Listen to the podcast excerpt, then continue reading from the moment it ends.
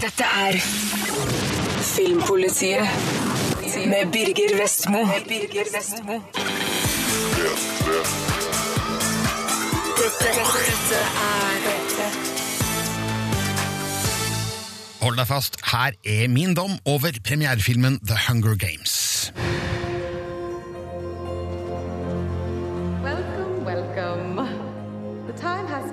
Come to select one courageous young man and woman for the honor of representing District 12 in the 74th annual Hunger Games.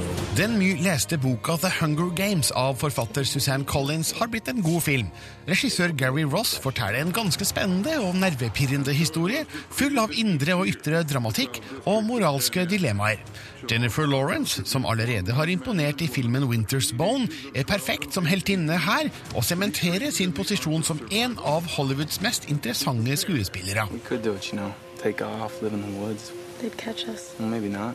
We wouldn't make it five miles. Historien finner sted i en postapokalyptisk verden der Nord-Amerika nå heter Panem og er delt opp i tolv distrikter. Befolkninga holdes i sjakk av et diktatur, bl.a. ved hjelp av det årlige The Hunger Games. Her velges to ungdommer mellom 12 og 18 år fra hvert distrikt til å delta i en turnering der vinneren er den siste gjenlevende. Katniss Everdeen, spilt av Jennifer Lawrence, blir tvunget til å melde seg frivillig, og filmen følger hennes vei til hovedstaden, til trening og til kamp i en kontrollert og kameraovervåka skog. Opplevelsen av reisa står sentralt. Vi følger denne jenta fra en virkelighet til en annen.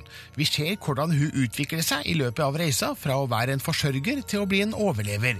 Jennifer Lawrence spiller med stor overbevisning, sjøl når historien kan virke absurd og latterlig. Det er lett å se at denne figuren kan være et flott forbilde for jenta i filmens målgruppe. Josh Hutcherson er òg god som Peta Melark, nabogutten som òg blir deltaker, og dermed er en fiende i The Hunger Games, men som er hemmelig forelska i Katniss. They just want a good show. That's all they want. There's 24 of us, Gail. Only one comes out. Det kan i utgangspunktet være vanskelig å tro på konseptet der barns dødskamp liksom skal være akseptert som god TV-underholdning. Det er ikke bare det at selve ideen slår meg som grusom. Det er i tillegg fryktelig langt mellom eh, høydepunktene i showet. Det ser ut som kjedelig TV. Jeg setter også spørsmålstegn ved hvordan publikum kan se bilder som åpenbart er filma av en løpende kameramann, når det ikke fins kameramenn i skogen. Men pytt, historien fortelles med overbevisning, og gjør det her likevel til en verden vi kan tro på, tross alt. Spenninga i skogen skildres godt og føles som en lett blanding av Battle Royale, Fluenes herre, Predator, Twilight og Rambo. Filmens voldelige innslag er hard kost for 11-åringer, og bør i hvert fall ikke ses av noen som er yngre enn det. Alle som har kjennskap til boka, vet at dette er starten på en trilogi. Jeg syns The Hunger Games er akkurat god nok til at jeg gjerne ser mer, spesielt om Katniss Everdeen i Jennifer Lawrences figur er like sentral i de to siste historiene. Den første har mange elementer i seg som lukter suksess, så gjenstår det å se om det her blir vårens store ungdomsfilm.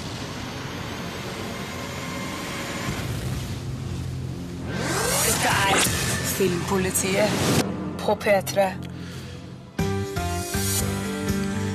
Amandusfestivalens publikumspris stemmes frem på p3.no slash filmpolitiet, og som deles ut under Amandusfestivalen på Lillehammer eh, førstkommende torsdag, den 29. mars. Og eh, denne prisutdelinga skal gå på NRK3, og programledere er Aisha Afif fra Popsalongen og Rune Håkonsen fra Filmpolitiet! Yes.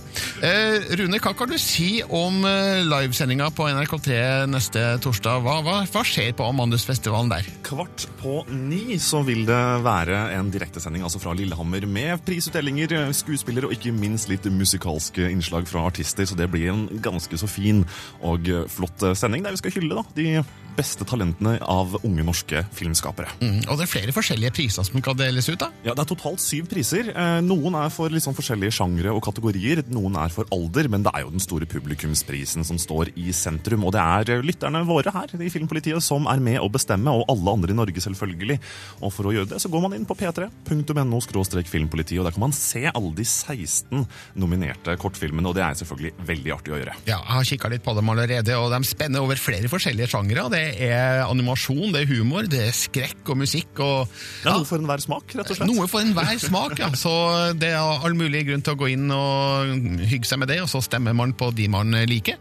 Og den filmen som oppnår flest stemmer, får altså da den gjeve Amandusfestivalens publikumspris, som skal deles ut av Line Verndal, kjent Og- fra Himmelblå, og uh, Birger Vestmo, kjent fra Filmpolitiet.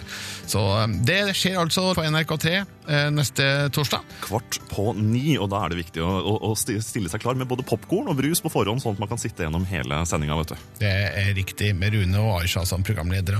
Eh, har vi nevnt nettadressa nok, tror du? Skal vi si det en gang til? Ja. p3.no skråstrek filmpolitiet. Takk skal du ha, Rune Håkonsen. Du hører på P3.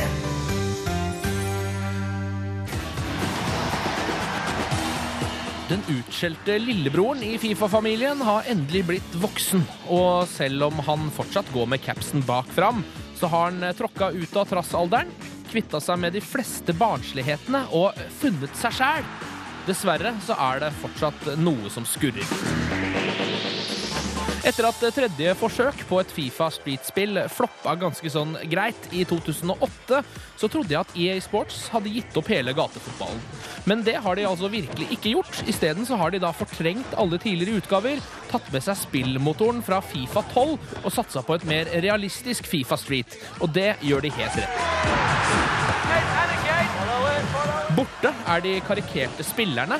Er det noen som husker eh, Fifa Street 2008-versjonen av Peter Crouch? Eller Wayne Rooney? Altså, det var sjuke greier. Borte er også de kvadruple saltobrassesparka. I Fifa Street 12 så ser spillerne like realistiske ut som i Fifa 12, og der jeg før ofte fikk følelsen av at jeg spilte Tekken og bare måtte smadre løs på knappene i håp om at spilleren skulle utføre et maxi mega combo boost hælspark, så føler jeg nå at jeg har en viss kontroll over hva jeg driver med. Og selv om fintene er av de avanserte slaget fortsatt, og ikke forekommer særlig ofte i ekte fotball, så er det mulig å få det til, også på ordentlig. Altså Man kan ikke lenger slå araber flikkflakk over en spiller mens man har ballen hvilende på nakken. Det nye driblesystemet er bygd på Fifa 12, men har da et enda bredere repertoar. Man kan holde på ballen langs bakken, eh, stå og dra sålefinter, og så plutselig slå til med en tunnel. Eller man kan vippe ballen opp, trikse litt og prøve å lure motstanderen med ballen i lufta. Og alt det her kan gjøres i så mange varianter at jeg nesten blir svimmel av det.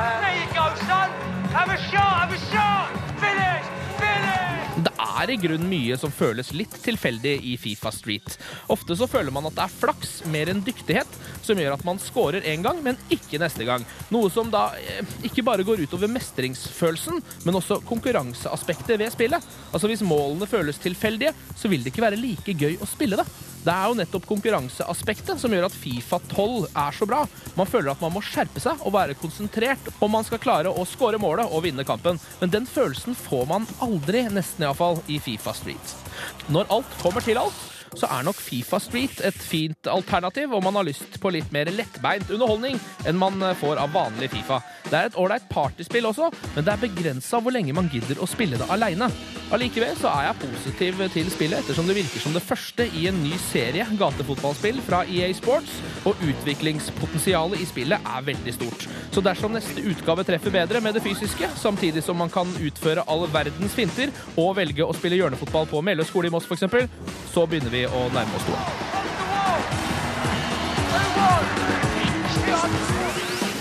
Dette er Filmpolitiet på P3. Du hører på P3. Du får min anmeldelse av premierefilmen Lorax, skogens vokter. You want to see something cool? Whoa, what are those? Trees. Real ones. They used to grow all around here. What I want more than anything is to see a real living tree. Dr. Sus er USAs Torbjørn Egner, og filmene basert på bøkene hans er populære, kanskje fordi de forteller snille eventyr med enkel moral. Lorax, skogens vokter, er siste film ut, og her handler det om viktigheten av å ta vare på naturen, nærmere bestemt trærne. Ingen kan krangle på at det her er velment, men fryktelig spennende filmatisk er det definitivt ikke. Her er enhver utvikling signalisert på forhånd, og ethvert spenningsmoment ettertrykkelig dratt ut i tid for å lage en hel film av det. Så lenge ungene liker det, har filmen kanskje gjort jobben sin, men det her ble for kjedelig for meg. So, Mom, do you happen to know if there's, like, any place where I could? En gutt i en plastikkby vil finne et ekte tre for å imponere nabojenta. Han tar seg ulovlig gjennom bymuren og oppdager at naturen på utsida er lagt øde. Alle trær er hogd. Der ute møter han en ensom gammel mann med en historie å fortelle. En gang var han ung og fremadstormende, men hans forretningsidé krevde hugging av trær. Dermed ble han oppsøkt av Lorax, som kanskje høres ut som noe du får kjøpt på apoteket, men som er en bønnelignende figur med bart og skjegg som snakker for trærne. Men hvorfor forsvant trærne likevel, og kan gutten sørge for at de kommer tilbake? It all started a long time ago when I accidentally summoned a mystical creature as old as time itself. The Lorax. Hey! Oh! Did you chop down this tree? What's that? I. Figurene i filmen er tradisjonelle og helt ufarlige. Sjøl byens eh, diktator er nerdesøt. Den eneste med distinkt særpreg, Lorax, er nesten ikke med. Hovedpersonen, med det snodige navnet Wonsler, er forsøkt rocka opp med gitar, men bare én av sangene hans holder mål. Hovedfigurene omgis av koseversjoner av forskjellige dyr, og filmskaperne har stjålet grepet med tre syngende små skapninger fra heldiggrisen Babe, bare at det her er fisker som gjør jobben, ikke mus. Det er søtt så det holder, men ikke særlig spennende.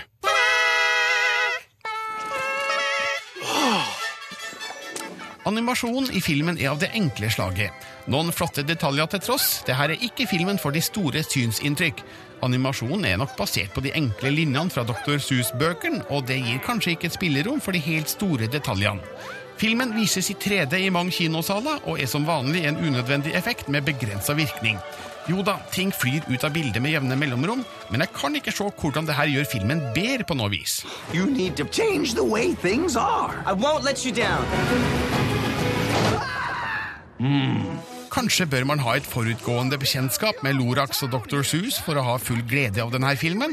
Det er nok mulig at amerikanere med gode minner om denne historien fra barndommen kanskje ser filmen med andre øyne. Men for meg er Lorax Skogens vokter en hul barnefilm. The last truffula seed. It's not about what it is. It's about what it can become. Dette er Filmpolitiet på P3. P3. Du hørte altså nettopp min anmeldelse av filmen Lorax Skogens vokter, som har norgespremiere i dag. Så langt i år så er det her den største filmsuksessen i USA, før eh, The Hunger Games har begynt å gå skikkelig. Og det er fordi amerikanerne elsker boka av Dr. Seuss som filmen er bygga på. Vi har møtt stemmene i filmen, Donny DeVito og Taylor Swift, som begge har hatt et livsforandrende forhold til Dr. Seuss, og skuespiller Ed Helms, som egentlig hadde nok å gjøre med hangover-filmene, The Office og alt annet han sysler med. Han mener man egentlig ikke kan leve uten Lorax og Dr. Seuss. Did you chop down this tree? What's that? If you haven't read Dr. Seuss to your kids, you're a terrible parent. So, We're gonna be there soon, I'm sure. It's like, whoa. Ifølge Ed Helms er man ikke en god amerikaner om man ikke kjenner til Dr. Seuss og leser bøkene for barna sine. Han var nærmest desperat etter en rolle i The Lorax. This is the most beautiful place, okay, I have ever seen. I had a very personal attachment to this book as a kid, and I also have nieces and nephews now, and I really wanted to be able to brag to them that I was in the Lorax. So I, I went and knocked on Chris Melodondri's door and said, Can I just be in this movie in any way? I'll do anything. I'll be a barbaloot or a humming fish or whatever you want. A couple months later, they said, You want to be the Onceler? And I was blown away. Whoa, this is amazing. What are those? Those are trees. They used to grow all around here. Dr. Seuss ga ut 46 barnebøker på rim. De mest kjente er Cat in the Hat, The Grinch That Stole Christmas og The Lorax. Den Grammy-vinnende countrypopsangeren Taylor Swift, som spiller Audrey i filmen, takker faktisk Dr. Seuss for hele sin musikerkarriere. Dr. Seuss was my first introduction to poetry, which I mean, being introduced to poetry, it, it became the love of my life. It was all I thought about when I was young, and it was all I wanted to write about in English class. We, you know, they had like one day a week where we'd write poetry, and I just wanted that day to never end because it was my favorite thing to do. Like bounce words off a page using rhymes and the right syncopation. It was almost like poetry is like songs when you're reading it. Um, so that then became songwriting. Nobody's moving in here. You gotta go. Goodbye. So who invited the giant furry peanut? You calling me a peanut, huh? I'll go right up your nose. whoa, whoa, whoa! You wouldn't hit a woman. Who? That's a woman? Danny DeVito, som har spilt i alt fra gjøkeredet til Batman, spiller selve The Lorax. En buskete liten oransje sak som passer på trærne. Inspirert av The Lorax har DeVito i sitt virkelige liv nå også tatt på seg rollen som skogens vokter. We started not using as many paper towels as we usually did. I have a big household. My five kids. We, I mean, four, three kids. Bria and I. All the people who hang out with us and and uh, eat. We eat all the time. We're Italians, so you're always like, you know, you're going through paper towels like it's like nothing. It's crazy, but we have a pile of. Uh, of cloth napkin, and you just you know you use them like we did when we were kids. When I was a kid, we we always had cloth napkins, and uh, you put them in the washer. okay. Det var ikke bare miljøbudskapet som gjorde at Danny DeVito tok rollen som Lorax. I love the book, and I love the books, the Zeus books, and uh, I was in the middle of shooting "It's Always Sunny," and he brought the poster in, and I and I just loved the characters. It was beautiful. Um, a charming guy, and Could you see you? we in could him? see Now, me. like, yeah? Oh yeah, big time. Oh yeah, they they really they got me good. I mean, I know that Nicholson really wanted the part, but I'm glad I, I beat beat him out for the part. And I feel kind of bad for them. You know, I feel bad for Brad Pitt never getting a chance to do a part like this. I'm starving. What's for breakfast? Det var Mona B. Riise som hadde møtt tre av stemmene fra Lorax, Skogens vokter, Ed Helms, Taylor Swift, og nå til slutt så hørte du Danny DeVito. Dette er Filmpolitiet med Birger Vestmo. Birger Vestmo. This is the day. Name the place, darling. The Best Exotic Marigold Hotel prøver å være lett og sjarmerende pensjonistkomedie med alvorlig klangbunn, men historien tåler ikke nærmere analyse. Den behandler figurene sine dårlig. De kastes inn i et surr som ligner en såpeserie. Skikkelig gode skuespillere er nødt til å fremføre flau dialog i tydelig konstruerte situasjoner. Regissør John Madden er langt unna Oscar-formen fra Shakespeare in Love. Sju pensjonister har av forskjellige årsaker behov for å komme seg vekk fra England. De drar til Shaipur i India og samles på The Best Exotic Marigold Hotel, hvor reklamen lover det gode liv. De oppdager at hotellet ikke er helt som i reklamen, men gir det likevel en sjanse. Møtet med en ny og annerledes kultur gir noen muligheten til å sette livene i perspektiv, noen oppdager ny kjærlighet, andre søker gamle flammer, og noen får nye sjanser, samtidig som hotellet står i fare for å bli kjøpt og stengt. Det er litt av et seniorlag med i filmen, blant annet Maggie Smith, Judy Dench, Tom Wilkinson og Bill Nye, samt den yngre Slumdog-millionærstjerna Dev Patel. Det står ikke på skuespillerprestasjonene eller evnen til å fremføre stoffet foran kamera. Det er stoffet det er noe i veien med. My name's Norman. You're very fit. Beg your pardon? Oh, Det er så mange figurer og skjebner som skal sys sammen til en helhet i løpet av to korte timer, at jeg mistenker mange av dem for å være kjappe lettversjoner av det de var i boka av Deborah Mogak. Det beste, eller verste, eksempelet er at en av figurene beleilig nok dør rett etter å ha fått oppfylt sitt store mål for reisa. Jeg burde kanskje gråte, men tenker hvor suppete går det an å bli? It. The Best Exotic Marigold Hotel er mynta på moderne pensjonister med stor reisetrang, ubegrensa frihet og tykke lommebøker. Jeg kommer kanskje tilbake til denne filmen når jeg er 67. Til så lenge er dette en kun middels interessant film, som kanskje burde vært bygga ut til en serie for å ha tid nok til å yte figurene rettferdighet. You're not worried about the danger of having sex at your age? If she dies, she dies. Dette er Filmpolitiet på P3. og her skal nok en av dagens premierefilmer anmeldes. You know where you're spending the afterlife? I'm going straight to hell. Tilda Swinton burde vært Oscar-nominert for sin sterke hovedrolle i Vi må snakke om Kevin, men filmen er trolig for mørk, for dyster, for forstyrrende. Det her er et intenst portrett av et ekstremt mor-sønn-forhold. Deler av filmen er stilisert vekk fra virkeligheten, men spenningsforholdet mellom hovedpersonene er høyst troverdig. Regissør Lynn Ramsey har laga en film jeg vil huske ubehagelig lenge. Just because you're used to something doesn't mean you like it. You're used to me. Mor Iva og sønn Kevin kommer skjevt ut helt fra unnfangelsen. Det er åpenbart at Iva aldri har ønska seg barn, eller er klar for frihetsberøvelsen det innebærer å bli mor.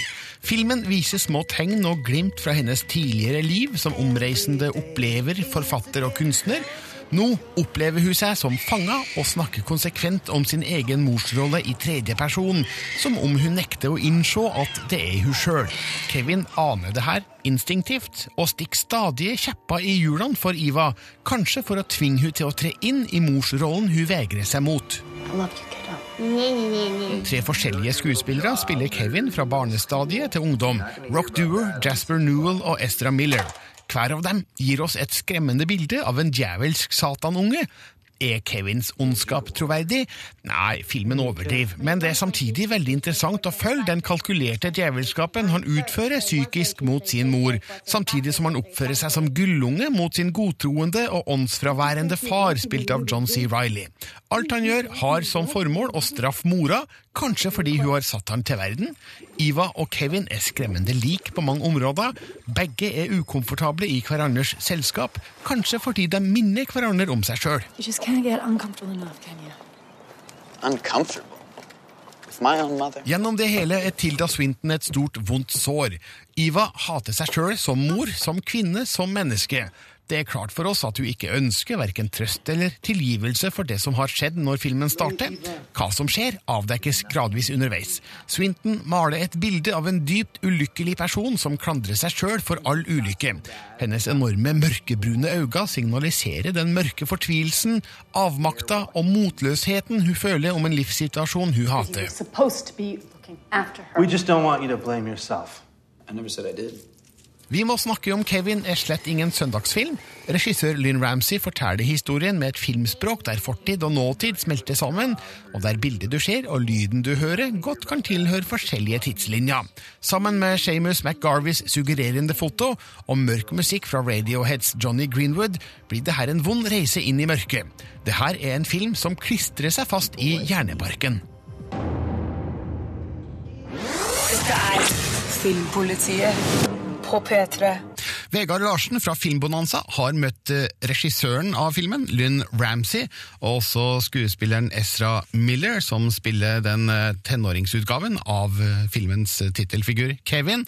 Um, filmen er basert på en roman fra 2003, skrevet av Lionel Shriver, og her forteller Lynn Ramsey hva, hva det var med boka og figurene som gjorde at hun fikk lyst til å lage film av den.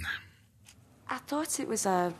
I was really the part that appealed was the the sort of taboo subject matter of you know the the, the what if you don't feel that instant bond for your child um, like fear of what's growing inside you that you don't know what it is but it also was more complex than that because the child's a very difficult child to like Den voksne Kevin i filmen spilles av Ezra Miller. Han gjør en overbevisende og skremmende fremstilling av en ung mann de fleste vil definere som et monster. But remember Jesus. As an actor, I, I guess you have to, in some way, understand the characters you're playing. Mhm. In what way did you understand this character? You know, as a fellow human being, like as a as like a distinct as, as a human being that was actually after the first moments of like visceral shock and reaction to his deeds, like a human being who's actually in a certain sense incredibly understandable. Like incredibly I found like easy to identify with. I think there's an aspect of Kevin that like it or not is like very common to the feeling of like just being a child, especially being a son. Um, In what way? Well, uh, I think we're all entitled to like one thing in the world, which is like the love and care of a guardian, you know, or a mother, or something. I feel the question you're raising in the film is is um, if if you're born bad or not, or if you are like formed by society and your mother. Yeah, yeah. Uh, what do you think? I think that argument's been going on since the beginning of you know time. You know that's a huge, huge, um, complex uh, thing. I, I think I'm presenting a lot of questions um, rather than giving huge, big answers. Uh, I think there's elements of her reluctance with the baby, her the way she feels them, and the baby cries at first is like you know she's very tense, and I think there's a lot of projection of her, her own emotion onto to Kevin. You know, um, and then there's also you know, um, Kevin's definitely for me gets something that is manipulative, and you know, and there's something that's um, calculating, and there's something that's cold. You know, there's some emotional quotient missing. So there's all these things. You know, um, yeah, but I'm not giving any easy answers here. I dag er det release på et nytt spill med gamle røtter, nemlig Kid Icarus Uprising. Rune Haakonsen, eh, Kid Icarus, eh, det har en historie? Det har en lang forhistorie, og det er faktisk en av de virkelig store spillheltene til Nintendo. Faktisk på linje med Link og Mario og hele gjengen. Men det er 21 år siden, hvis ikke jeg tar helt feil, eh, at vi har sett et spill med nettopp Kid Icarus, eller da Pit, som han heter i hovedrollen. Vi har sett han innom i Super Smash Bros. Brawl og sånn tidligere, men nå har han endelig kommet med et eget spill igjen. Her er litt lyd fra Uprising. These are underworld troops. Are you saying Medusa's been Resurrected, yes. Though the goddess of darkness was defeated long ago, we obviously can't underestimate her powers. Og hva syns så Rune Håkonsen om Kid Icarus Uprising? Det er godt å komme tilbake til den fantastiske, eventyrlige og ikke minst antikke verdenen som, som, som, som Pitt og Kid Icarus foregår i. Mm. Eh, Det er jo sånn at Han er en sånn engeltype med vinger som ikke varer så lenge. Ikke, altså Litt sånn kjent som de gamle Hva han heter han som flyr for nærme sola, så smelter vingene og ramler ned? vet du? Eh, Icarus? Eh, Det er kanskje Icarus han heter, ja. og det er akkurat det her som er så artig, at du kan fly rundt. Og det er nemlig på 3DS-konsollen det hele foregår, så du får eh, ganske fin 3D-grafikk på toppen av det hele. Spillet er underholdende, intenst og artig, akkurat slik jeg venta meg, og, og denne delen fungerer veldig godt. Men dessverre så er det veldig vanskelig å spille. Ikke spill i seg selv, men å holde konsollen og trykke på alle knappene du skal samtidig. Og det er litt sånn irriterende, for det vitner om at det faktisk er litt dårlig designa i mine øyne. Eh, Og du følger i tillegg med en sånn ekstra dings. Du vet jo at 3DS-konsollen er ganske liten og, og, og, og snerten, egentlig. Ja, ja. Men for å få full utnyttelse av både en ekstra styrestikke på høyre side og så, videre, så må du putte den inn i en sånn stor plastikklump. Og det gjør at den ikke er så bærbar lenger. Og det gjør jo at spillet ikke fungerer i sin opprinnelige form. Oi. Og det syns jeg er ganske negativt. Så hvis du er en gammel tilhenger av Kid Icarus og Pit, så foreslår jeg at du sjekker ut spillet, eller så kan du nok holde deg til Mario på 3DS-en foreløpig, altså. Mm. Hvilken målgruppe tror du spillet retter seg først og fremst mot? Der er også kanskje et lite problem at spillet retter seg mot en ganske ung målgruppe. Det er eh, laget for kanskje skal jeg si, 12 til eh, 18-åringer, hvis jeg skal gjøre et grovt overslag. Men det er jo bare oss gamliser nå da, som husker godeste Pitt og Kid Icarus, så jeg er litt redd for at dette spillet kan ramle mellom to stoler. Ja, Så nostalgifaktoren er ikke stor nok? Den er ikke stor nok, rett og slett, for vi, vi kjenner ikke til Pitt som spillhelt. Kid Icarus Uprising har premiere i dag. Altså, eller release i dag, heter det. Rune Håkonsen, takk skal du ha. Bare hyggelig. Denne uka kom Tower Heist ut på Blu-ray og DVD. Er det kongekjøp eller eh, bomkjøp? Svaret får du her, for du skal få høre min anmeldelse fra da filmen hadde kinopremiere. All these guys keep cash close by, but we still haven't found Shaw's safety net. 20 million and change. Brett Ratner er en regissør det ikke akkurat oser kvalitet av, men han har en upåklagelig vilje til å underholde. Det skal han ha. Tower Heist gjør nettopp det. Den underholder. Det er en tidvis morsom film om såkalt vanlige folk som vil gjennomføre det store kuppet, og sjøl om plottet involverer hylende urealistisk logistikk, så gjør ikke det så mye. Ja da, det er en sånn type film. The average apartment in the tower costs $5.6 million. We have the best views, most advanced security systems, but you know what these people are really buying?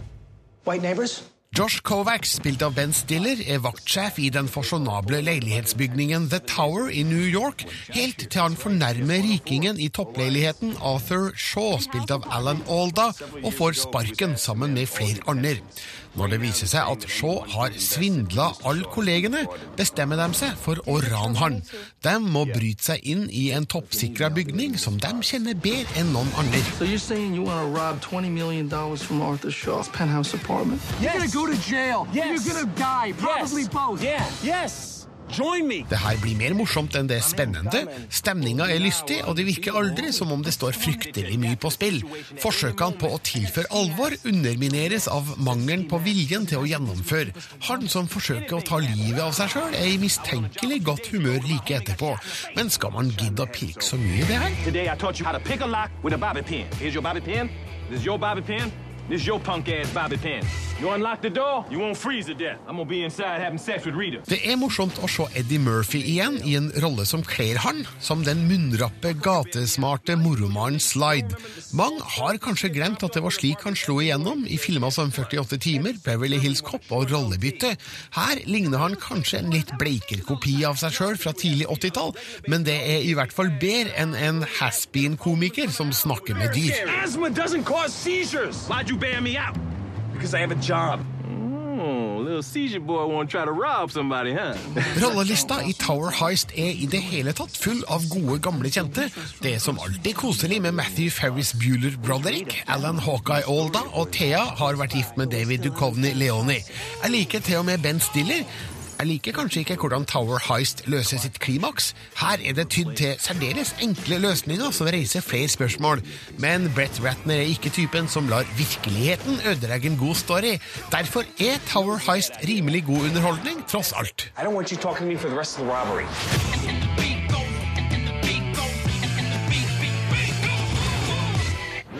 Dette er Filmpolitiet på P3.